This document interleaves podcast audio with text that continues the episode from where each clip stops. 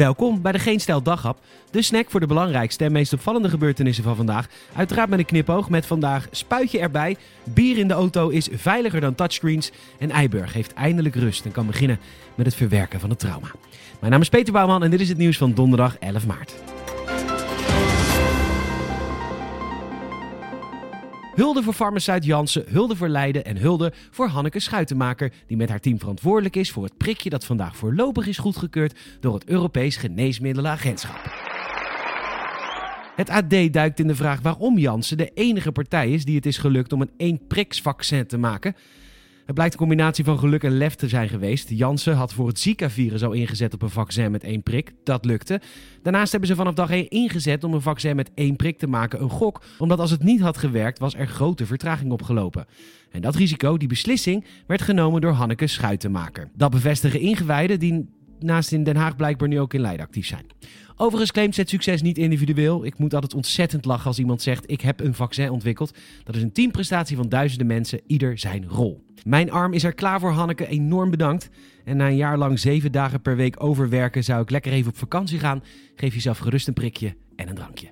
Cheers. We kennen ze allemaal. Die collega op het werk die altijd eerlijk communiceert, zijn best doet, niet foutloos is, dat is niemand, maar er zeker niet over liegt.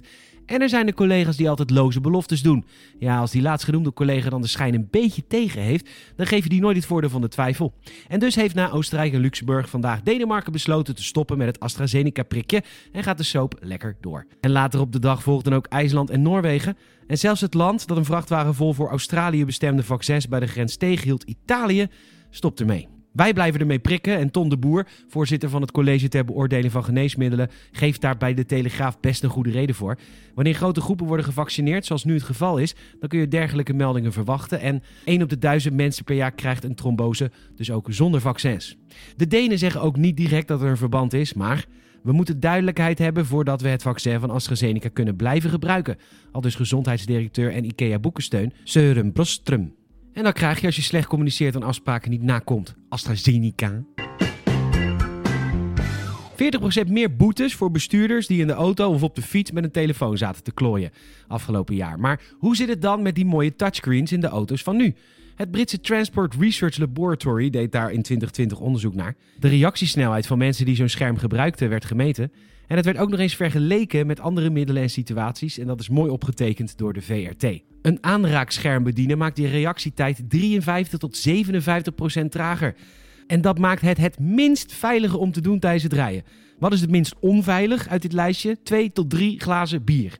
Daar word je 12% trager van. Dan verder de lijst, wat er dus allemaal gevaarlijker is dan 3 glazen bier. Cannabis, handsfree bellen, apps bedienen met je stem, berichten sturen met je hand, bellen met telefoon in je hand en dan dus het meest onveilige, de touchscreen. Ja, dat zal een hele operatie worden, al die schermen slopen uit die Tesla's.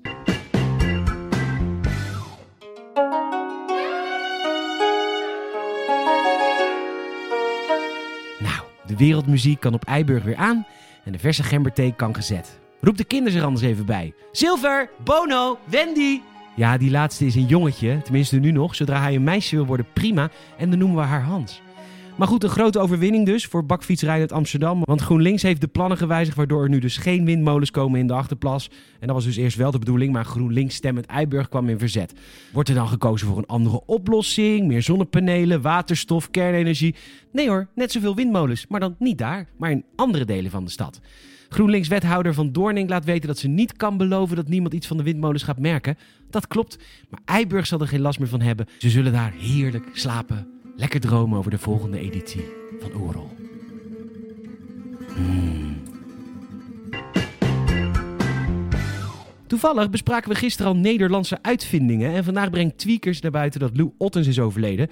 En Lou heeft het cassettebandje bedacht. Hij deed dat in zijn tijd bij Philips, toen hij Product Development Manager was. In de tijd heette dat waarschijnlijk gewoon uitvinder. Hij begon bij Philips in 1952 en negen jaar later bedacht hij de EL3585 bandrecorder, waar een miljoen exemplaren van werden verkocht.